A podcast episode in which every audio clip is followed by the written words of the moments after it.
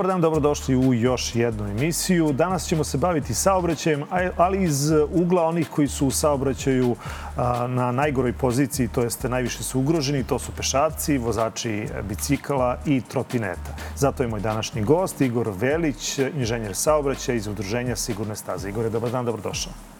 Hvala na pozivu, bolje vas našao. Nekoliko desetina puta smo se mi čuli e, putem e, e, mreža, to jest putem Vibera, putem Skype-a, ali evo ovog puta došao se iz Bora da bismo pričali o nečemu što je ovih dana aktuelno, a to su električni trotineti. Pročitao sam naslov gde ti kažeš nov predlog zakona da stimuliše upotrebu e-trotineta. E sad, ajde da to, da to razjasnimo. Pa, da, da krenemo, šta je sve zapravo pratilo tu famu oko izmena zakona o bezbednosti saobraćaja? Javne rasprave su bile zakazane zadnje nedelje decembra prošle godine. E, Beograd, e, Niš i Novi Sad kad zapravo ljudi su na odmoru, uživaju u prazničnoj atmosferi. E, I to je nekako malo po meni urađeno baš zbog toga da se javnost ne bi odazvala toj javnoj raspravi. E, pa mi smo kao Institut za urbanu mobilnost bili prisutni na sve tri javne rasprave, jer smo pre toga uputili predlog za izmene ZOPS-a vezano za bicikliste, a naš stav kad smo videli predlog zakona za trotinete bio da se definišu isto odredbama kao bicikli. Nijedan naš predlog nije usvojen i onda je bilo priče da će izmene zakona da uslede na proleće, najkasnije do kraja marta. Međutim, onda imamo da tek u avgustu e, vlada zapravo to, to usvaja kad su ponovo ljudi na odmorima. Na, na odmorima i na kraju kad je došlo do Skupštine, da Skupština je bila e, ona blokada Skupštine od strane opozicije, gde je zapravo to usvojeno u nedemokratskoj atmosferi, ponovo bez javne rasprave. I onda tu vidimo da naši kreatori saobraćene politike, e, da im nije bitna toko bezbednost saobraćaja, i da im nisu toliko bitni vozači električnih trotineta kao ranjiva kategorija, nego da se to nekako na silu što pre uvedu u zakon. I to je i samim tim iz toga su izašla ova loša rešenja. E sad, zašto smatram da ovaj predlog zakona destimuliš? Pod jedan, mnogo je konfuzno gde vozači električnih trotineta mogu da voze i, i koja starost gde može da vozi. I da to oni medijski, to je kreatori saobraćene politike, nisu iskomunicirali kako treba. E sad, ono što je tu dobro, da pohvalimo da su stavili da električni trotineti mogu da se voze na biciklističkim stazama, biciklističkim trakama i udvojeno pešačko-biciklističkim stazama. E sad, samo je problem što to nemamo u Srbiji. Znači, Beograd ima nekih 100 km bici infrastrukturu, Novi Sad oko 100 km, Niš mislim da ima svega 10, Subotica isto nešto 10-15, ali imamo da 95% gradova nema biciklističku infrastrukturu. E sad, oni su stavili, ok, tamo gde ne postoji biciklistička infrastruktura, da može na kolovozu širine 1 metar od divice, kao što može i bicikl. Ali tu su stavili da lica od 14 do 18 godina, da kažemo maloletni, mogu na kolovozu, ali samo da je brzina ograničena na 30 na sat. Zapravo u zoni 30. A u Srbiji su zone... To je zoni... samo pored škola? Na primjer, zona škola je e, ograničenje 30, ali postoji ulice koje su zovu zona, zona 30. A to zapravo nema. Znači imate par u Beogradu, nekoliko u Novom Sadu. A mislim, to je toliko morat ću da potrebim reč glupo, da, da ne znam koju drugu reč. A... Prosto, šta to znači? Dakle, ako idete od tačke A do tačke B, koja podrazumeva, recimo, odlazak u prodavnicu, pa vi nema šanse da ste stalno u zoni 30, naići ćete na zonu koja je 50. Znači, šta treba da se vozite u krug? Pa ne, oni su, ja mislim, ovim e, želeli da tu populaciju 14 do 18 godina izbace i saobraćenog Da uopšte ne, ne voze trotinete. Zato što nemoguće da naši kreatori saobraćene politike ne znaju da zone 30 u Srbiji, nažalost, ne postoje, kao što ne postoje ni zonu usporenog saobraćaja a to vam je savremen model e, tehničkog uređenja i planiranja saobraćaja, koji se primenjuje u Evropi već 20-30 godina, ali naši donosioci odluka zbog favorizovanja motornog saobraćaja neće da krenu u implementaciju zona 30 i zonu usporenog saobraćaja. I sad dolazimo do toga da ta lica u 14 do 18 godina zapravo nemaju gde da voze, tipu u Boru, odakle ja dolazim, a ako dođe do nezgode, uvek će oni biti krivi uvek će oni biti u prekršaju. Da, jer su kršili zakon. Da, na uboru nemamo zone 30, dok sad, ajde, lica starije od 18 godina, oni mogu na kolovozu da je brzina ograničena do 50. Samim njim je dostupna znatno veća infrastruktura 18 plus nego momcima i devojkama od 14 do 18. I onda se vidi da je to mera koja zapravo ne, ne podstiče korišćenje električnih trotineta, nego upravo destimuliš. E, druga stvar je ajde da kažemo, ova a, nalepnica Agencije za bezbednost saobraćaja, gde mora da bude navedena masa električnog trotineta, konstruktivna brzina i koliko ima snagu u kilovati. Znači, to je na neki način registracija? Pa, da kažemo, slično registraciju. Koja će predviđati, pretpostavljam, ne, opet neki izdatak, je li tako? Tako, verovatno će... zna koliko? Još se ne zna ni kako će da izgleda ta nalepnica, izdaje Agencija za bezbednost saobraćaja, ne zna se ni drugi, kako da. dizajn kako izgleda, koliko će to da košta, kako će da ide taj proces sertifikacije, ajde da to tako nazovemo, gde, gde sad država je videla da e, super, imamo nova vozila, ajmo sad na njima malo i da, za, Da zaradimo. zaradimo. Još koji put? E, Pošto da. su već zaradili na porazima i carini. Tako je nešto. E sad, e, onda treća mera koja tu e, zapravo je problematična je e, obavezna oprema, to je biciklistička kaciga i svetloodbojni prsluk. E, sad da ne bude da sam zagovornik da čovjek ne treba da nosi kacigu i prsluk i tako dalje, ali sva istraživanja rađena za bicikliste na teritoriji Evrope, Amerike, Australije su pokazala da gde god je nametnuta ta obavezna oprema, da se smanjuje broj biciklista na ulici, a sa smanjenjem brojem biciklista Povećava se broj motornih vozila. povećava se broj motornih vozila i umanjuje se aj, bezbednost biciklista. Jer po svim istraživanjima bezbednost biciklista raste njihovim brojem u saobraćaju, su vozači naviknuti na njih i naravno pod jedan infrastruktura čini bezbednim. E, a, tako da čak i preporuke Evropske federacije biciklista, i da kažem ono krovno telo koje se profesionalno bavi time je da e, ta biciklistička oprema bude preporuka, a ne obavez jer sada imate da ljudi neće da nose svetloodbojni prsluk sa sobom u rancu kad idu na posao, u prodavnicu ili kacigu, a s druge strane to umanjuje privrednu i ekonomsku delatnost zemlje, jer onda nećemo imati operatere koji služe za iznajmljivanje električnih trotineta, jer nema šansa oni da obezbede kacigu i prsluk, to će vratno da se krade, da tako kažem, a čovek koji bi rentirao trotinet sigurno neće to da nosi sa sobom i vi to nemate nigde u Evropi. Jer sad tu glavni po meni je problem kad neko vozilo novo koje se pojavlja u nekom saobraćenom ekosistemu mora da bude definisano zakonom i da se znaju pravila i da se ta pravila poštuju ili je cilj da svi budu bezbedni i ravnopravni u tom saobraćaju. E sad ovde, e, uglavnom na zapadu, kad oni regulišu nešto novo, oni gledaju to vozilo e, sa privrednog, ekonomskog aspekta, uticaje na javno zdravlje i naravno bezbednost saobraćaja. I te odredbe zakona zapravo mora da dozvolje te četiri funkcije. Kod nas zapravo ni jedna nije zadovoljena, nego se radi na destimulaciji.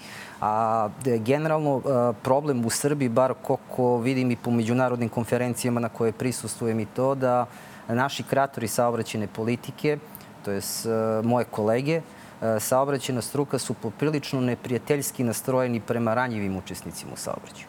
Znači, ne samo prema trotinetima, mi preko pet godina pokušavamo a, sa izmenama za opsadu na predim... Kad to kažete neprijateljski nastrojeni, to je jaka reč. Dakle, Jeste. na šta tačno mislite? A, pa mislim da celokupan saobraćajni prostor, znači celokupan, a, prilagođavaju isključivo jedino motornom saobraćaju. E, mi tu imamo da se bicikli... Ali zašto? Da li je to lakše e, u, u datom momentu? Da li to nema novca da se napravi saobraćajna infrastruktura za bicikliste, za pešake i za Pa trotinetiste? novca, novca ima, to je jeftinije nego putna infrastruktura. Dobro, u čemu je onda reč? Pa iz nekog razloga mi smo automobilska nacija da tako, da tako kažem. Mhm. I samim tim saobraćena struka je prihvatila da se kreće u tom, u tom smeru. I onda zato vi imate i po manjim gradovima i u Beogradu da su trotoari okupirani parkiranim vozilima. Da pešaci u, u Dostulicu u Beogradu idu kolovoz, što ne bi smelo, a, a, a vozila su i na kolovozu i na trotoarima. I tu onda vidite pogrešnu saobraćajnu politiku i onda dođe do nezgode i onda uvek je kriv pešak ili je neoprezno stupio na kolovoz. Zapravo pešak nema gde da se nema gde da se kreće. Kod nas, tipa, eto u Boru vam postoje četiri gradska naselja koje nemaju trotoare uopšte. E tu bi sad trebalo da budu zone 30, zonu sporenog saobraćaja. Iz kog razloga? Eto, tipa, ne do bog da neko dete udari sa 50 na sat. To je najveća dozvoljena brzina u nasilju. Šansa da to dete preživi 20%. Redko koje dete preživi udarac auta s 50 na sat. Ako bi neko dete udario sa 30 na sat, šansa dete preživi 80%. Mm -hmm. I onda su u Evropi rešili da kroz uh, taj sistem infrastrukture za ranjive učesnike u saobraćaju umiruju saobraćaj i prave ravnopravnost. Da svi budu jednaki, bezbedni i da mogu ravnopravno da učestvuju. Jer je cilj da se destimulišu zapravo motorna vozila. Jer vozači motornih vozila pravi i najviše prekršaja, najviše krivičnih dela izazivaju najviše nezgoda. I najopasniji su saobraćaj. Pa u nezgodama a, pešak vozač većim delom su krivi vozači. Vozač biciklista većim delom po, po su krivi vozači motornih vozila. I vi kad imate taj jedan odnos, valjda ako kreirate neku saobraćenu politiku, vidite ko vam je ugrožen, a 50% smrtno stradalih su nam ranjiva kategorija, da treba da se obrati malo pažnja na njih, jer zapravo ranjivi učesnik i dalje to pešak, dete, osoba sa invaliditetom, biciklista, čovjek na trotinetu, njega štiti infrastruktura i koncept umirivanja saobraćaja. To se sad zove urbana uh, mobilnost. Sutra grad mora da bude prilagođen uh, čoveku, a ne ne mašini. Kod nas je ubrnuto. Neki dan smo zajednički učestvovali u jednom prilogu moje koleginice, pa sam ja pročitao, kad je to okačeno na Facebook, pročitao sam komentare ljudi koji su pogledali taj e, prilog, gde smo obojica komentarisali infrastrukturu nedostajuću. Ja sam se osvrnuo samo na Beograd, pa mi je zamereno da nije to samo problem Beograda, da su novo Beograđani jedini faktički koji, koji imaju tu mogućnost da, da idu u biciklističkim stazama i da voze trotinete po njima, ali da su problem većinom svi gradovi, e, svi gradovi u Srbiji. Ali ono što sam takođe primetio u tim komentarima jeste taj neprijateljski stav prema biciklistima i prema vozačima električnih trotineta, e, da su oni ti koji e, krše saobraćena pravila, da ne poštuju, da voze tamo gde im je propisano, da šta će oni uopšte u saobraćaju. Dakle, nažalost, mnogo je takvih komentara. Zašto je to tako? Je li to deo naše saobraćene kulture ili nekulture, kako god je krstili? I jesu tu potrebne godine? Dakle, gde vidite tu ko je najveći krivac? Pa najveći krivac uvek sve vezano za saobraćaj su kreatori saobraćene politike. Znači to su nadležna ministarstva, Ministarstvo saobraćaja, Ministarstvo unutrašnjih poslova, Agencija za bezbednost saobraćaja, gradski sekretarijati za saobraćaj, lokalni saveti za bezbednost. Znači ljudi koji učestvuju u pisanju zakona, sprovođenju zakona, sprovođenju celokupnih tih uredba, pravilnika koje postoje. Jer koliko puta sam imao prilike da čujem od mojih kolega na, na TV-u kad se obraćaju i kad se rade eto te medijske kampanje koje služe da obrazuju, edukuju, da podignu svest kulturu. Glavni narativ svih tih kampanja, mi nemamo ni jednu kvalitetnu kampanju za bezbednost saobraćaja, ali uvijek je deco pazite, biciklisti pazite, pešaci pazite treba da prođu motorna vozila. Znači, nijedna kampanja ne udara na najveće krivce za stanje Pa bila, ja se sjećam, ona kampanja Ne brže od života, Ta je kampanja bila koja se odnosila preoshodno na, na vozače motornih vozila i bila je kampanja koja je bila, neki su je nazivali preterano, preteranom kampanjom s obzirom da su se prikazivala saobraćajne nezgode i da to utiče na svest ljudi da kad vide saobraćajnu nezgodu koja je donekle zamagljena u toj kampanji, da će ih to naterati trgnuti. da razmišljaju, trgnuti, da, da pa, znaju.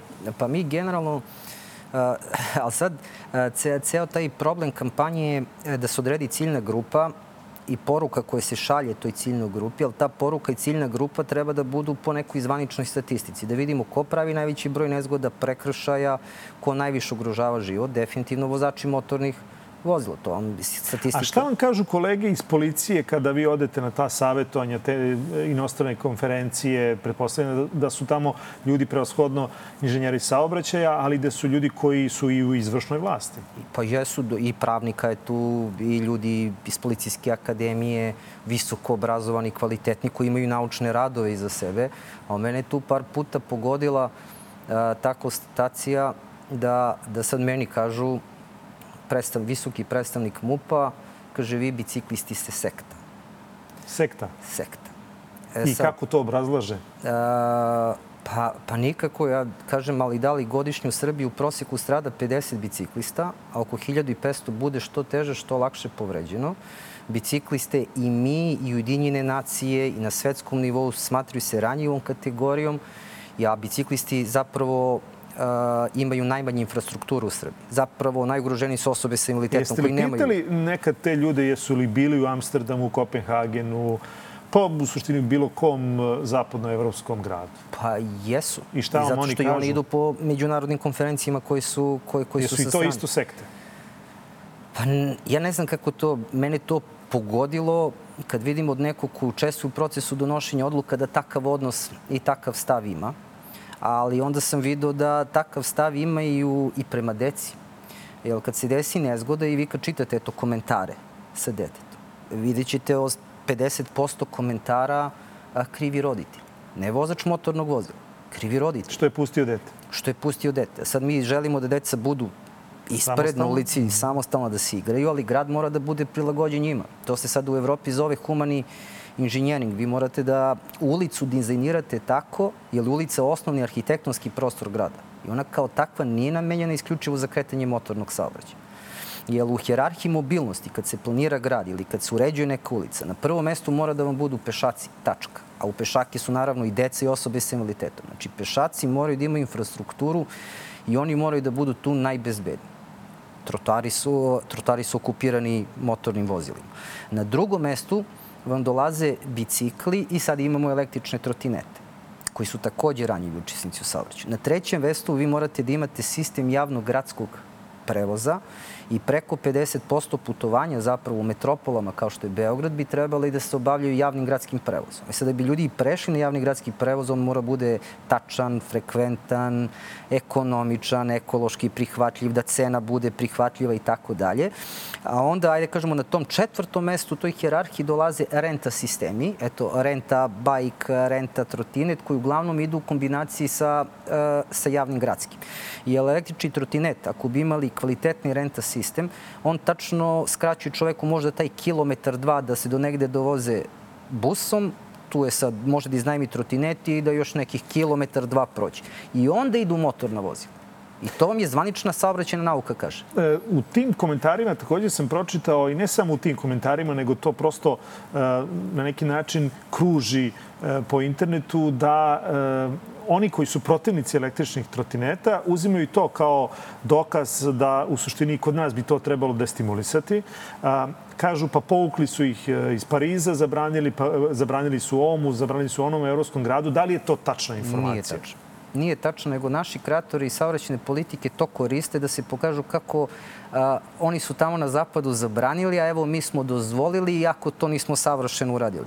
A, u Parizu je bio problem sa renta sistemom. Ne je zabrana. Pariz ima ovaj, e, biciklistički plan Velo Pariz je trenutno grad gde raste udo biciklističkog saobraćaja. Prave se enormno biciklističke staze, to se to ono, u, u desetinama, stotinama kilometra šire biciklističku mrežu da idu električni trotineti. Pogledajte slike. Oni su imali problem sa rentiranjem i tim komunalnim neredom koji nastaje gde ljudi sad ostave, bace to gde njima padne na pamet. To nisu regulisali. I to je bil tamo referendum, ali to za uski deo, ajde kažemo, centralni deo Pariza koliko sam ispratio. Dobro, kad ćemo mi doći, da se vratimo na električne trotinete, pošto nam je to bazična tema danas, kad ćemo mi doći u situaciju da e, od sektaša postanu e, ravnopravni učesnici u saobraćaju Ako to uporedimo recimo sa pre neki dan situacijom, gledao sam snimak gde u Novom Sadu je jedna kompanija krenula da iznajmljuje te električne trotinete prvi dan su im pokrali na desetine baterija iz tih električnih trotineta. I to je sve snimljeno. Ja nisam pročitao da su pohapšeni, da je neko odgovarao. Možda je mali period da bi, da bi to učinila policija ili ko već treba da se time bavi. Ali, dakle, kada te dve stvari uh, uporedimo, dakle, hoćemo li mi doći u, i kada u situaciju da, da ćemo zaista imati na svakom ćošku, bar u Beogradu ili većim gradovima, e, mogućnost da rentiramo električni trotinet i električni bicikl? E, pa mislim da, da teško, jer oni koji kreiraju saobraćenu politiku se e, ne, ne voze bicikl, ne voze trotinet, ni idu javnim gradskim. Na primjer, ja znam pet saobraćenih inženjera u Srbiji, moje kolege, pošto ja koristim bajs, posao, kuća, u Boru sam sve, sve na bajsu, da bajs koriste ne kao rekreativno prevozno sredstvo, nego kao aktivan vid prevoza, kao što i vi koristite u Trotine. Beogradu uh, trotine da bi uopšte neko razumao saobraćeni sistem, ovi koji donose odluke, rade na izmenu zakona o bezbednosti saobraćaja, moraju da sednu na bajs, moraju da sednu na trotinet. To se ne radi iz kancelarije. A znate kakav je jedan komentar bio, pošto sam ja bio u tom prilogu, kaže, evo, konj od 40 godina popeo se na trotinet. Pa ljudi sad ne kapiraju kad bi imali, ali to je sad taj animozitet prema onome koji su ranjivi, a tu u ovom slučaju trotinetaši, da mi sad imamo biciklističke staze, taj savremen model saobraćenog planiranja, da ima više biciklista i trotineta na ulici, bila bi manja gužva u saobraćaju. Ljudi se ne bi tukli za parking mesta. Zelene površine i parkovi ne bi se betonirali i pravile parking garaže. Imali bi znatno više zelenila i slobodnog prostora u gradu da se svi krećemo.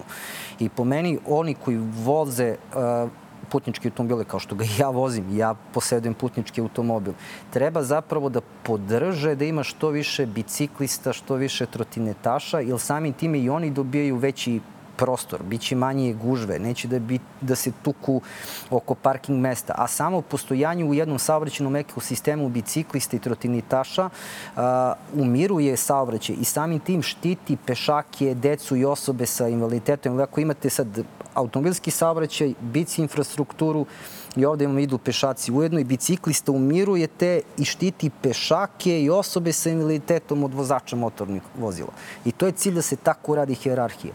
Po meni svi koji voze putničke automobile, koliko god sad ne vole bajs, e, ne vole trotinet, jednostavno ih ne zima, neće da pređu iz svog komfora, neće da idu javnim gradskim. Ja to razumem.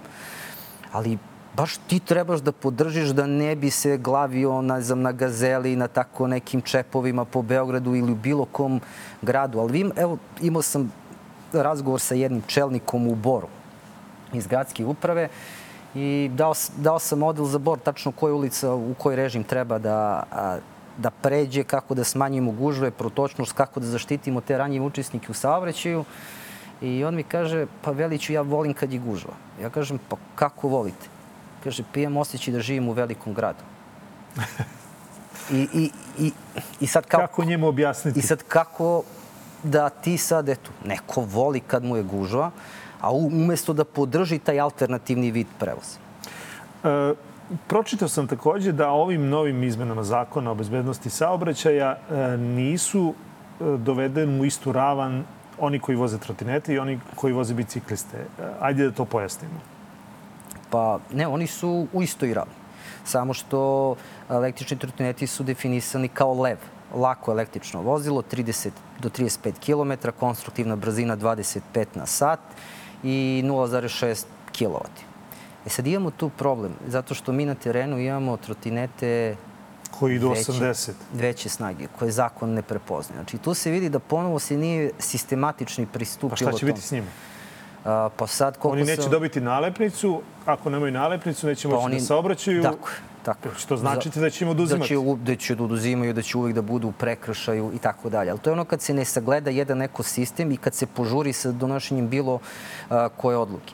A, najidealnije rešenje je bilo ne kažem da je to idealno, ali najidealnije sa postojićim saobraćenim sistemom kod nas da su definisali identično kao bicikl. bicikliste onda bi bila i dostupnost infrastrukture veća, veća bezbednost i jel bicikl je odavno u zakonu, vozači znaju koje su pravila za bicikle, samim tim ta ekonomija prevencije, medijske kampanje ujedno bi se pucalo i na bicikle i na trotinete, umanjuju se, umanjuju se troškovi, apeluje se ujedno i na jedne i na druge, a trotinet ima veću dostupnost infrastrukture. E sad, zašto su naši e, donosioci odluka ovako rešili?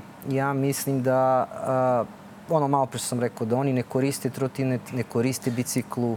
Jesu li se izjednačili, to mi baš nije jasno. Dakle, da li je izjednačen u smislu obaveza vozač bicikla i vozač električnog trotineta? Dakle, da li vozač bicikla mora isto kao i trotinetista da nosi kacigu, ne. da ima uh, prsluk ne i šta smo još rekli da... da... Na primjer, bicikl ne mora da ima ovu nalepnicu, biciklista ne mora da ima kacigu, biciklista ne mora da ima prsluk. Naravno, bicikl mora da bude osvetljen. Napred jedno svetlo bele boje, pozadi jedno crvene. sa 12 godina može da se učestvuje u javnom saobraćaju. Što znači i u ovim saobraćajnicama od 50? Da. Deca od 12 plus mogu za električne trotinete 14 pa, pa na gore. Znači, bicikl ima čak i manju starostnu granicu. Mm -hmm. Tu gde ne postoji biciklistička infrastruktura, nebitno da li je ulica ograničena na 30 na 50, biciklista sme da se kreće 1 metar od, od desne ivice. Tako da generalno biciklisti imaju znatno veću dostupnost infrastrukture e, i znatno manje ograničenja nego što imaju vozači električnih trotineta. A poprilično su, da kažemo, e, slična vozila i isti profil ljudi da kažemo, koristi, koristi i bicikl i električni i električni trotinet. Tako da su oni, e, zapravo ako gledamo sad zakonski, vozači električnih trotineta su osakaćeniji u odnosu na vozače bicikla. A šta je sa e, električnim biciklima?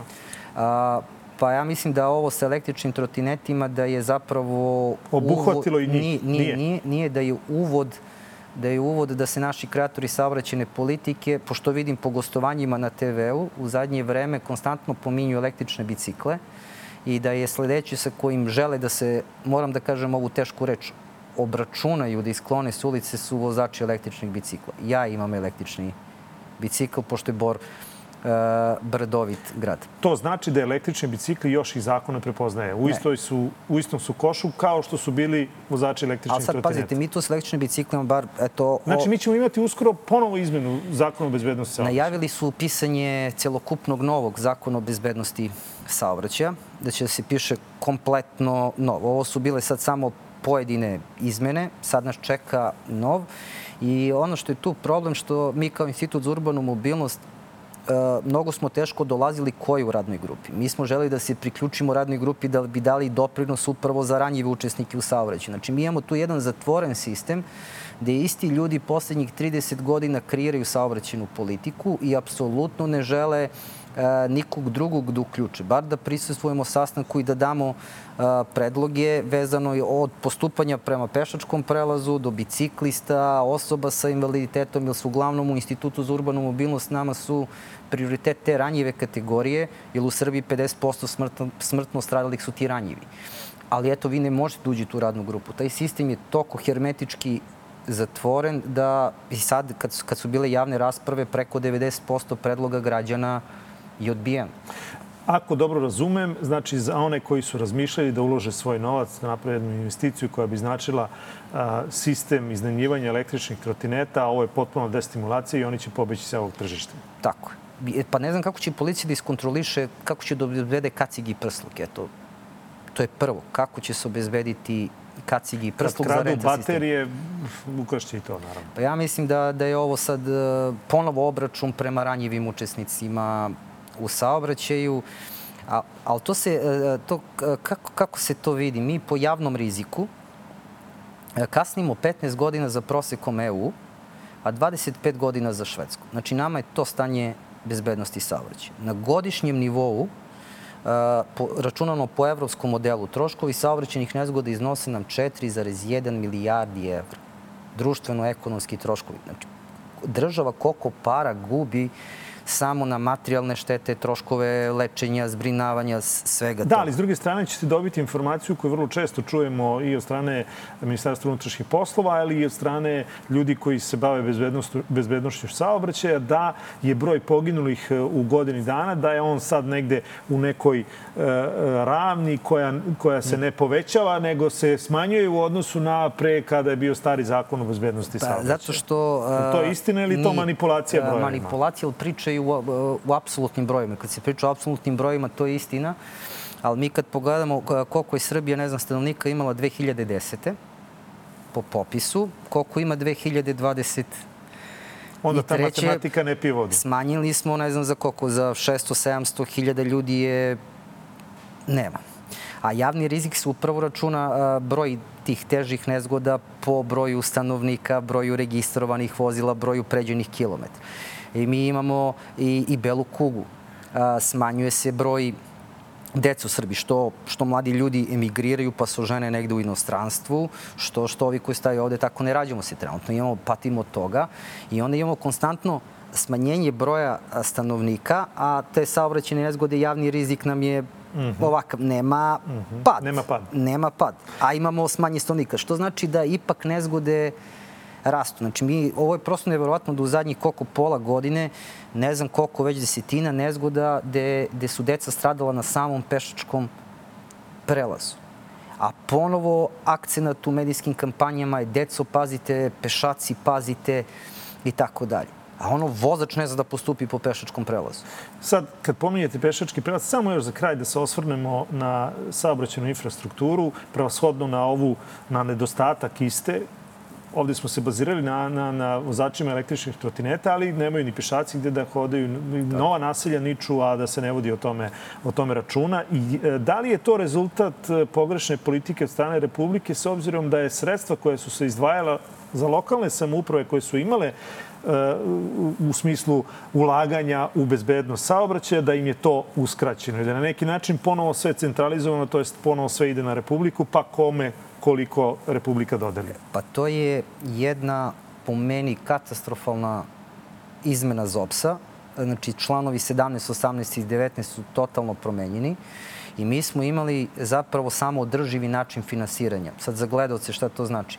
Na primer, svi saobraćeni prekršaj koji su napravljeni u Boru, na teritoriji grada Bora, 30% tih novčanih sredstava išlo namenski lokalnoj samoupravi koja je morala namenski da potroši za unapređenje bezbednosti saobraćaja, a 70% ide državi i onda tih 70% se delilo MUP-u i išlo 75%, a 25% tih Opet 70... Opet lokalnim samoupravama. Ne, i državi, ali ponovo i te pare idu na unapređenje Aha. bezbednosti saobraćaja.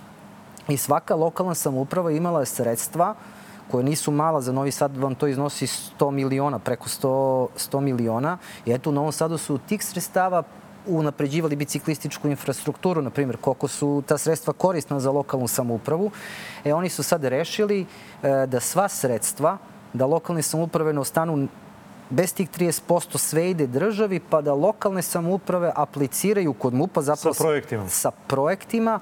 I onda sad dolazimo u toj situaciji, da kažemo, u nekoj ulici, na primjer, ne znam ovde gde smo mi, ne znam, neko je ono, uništio se ležeći policajac, prepreka za usporavanje saobraćaja. Fali jedan deo i sad, sad treba to da se zameni i sad opština ovde gde smo mi nema pare, nego mora da čeka državu da odobri da bi to zamenilo.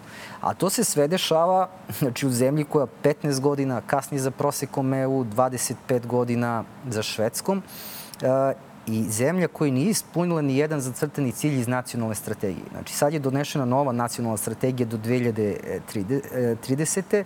a pre toga smo imali od 2015. do 2020. Ni jedan zacrtani cilj. Znači, ni jedan. Po pet stubova strategije, pa nekoliko ima ciljeva, ni jedan nije ispunjen pogoršalo se stanje bezbednosti saobraćaja, niko od kreatora saobraćene politike nije odgovarao. Sad imamo novu strategiju, ali ja da kažemo isti ljudi i dalje su u tom procesu kreiranja, dalje će da donose odluke, plus smo stali i bez sredstva za finansiranje bezbednosti saobraćaja, a s druge strane vidimo da kroz izjave, to iz OPS je krenuo neki obračun sa ranjivim učesnicima u saobraćaju. Tako ono, koliko god sad ovo zvučalo pesimistično s moje strane, apelujem na ranjive učesnike u saobraćaju da se čuvaju, jer kreatori saobraćajne politike ne žele da ih čuju, nego postiču njihovo stradanje.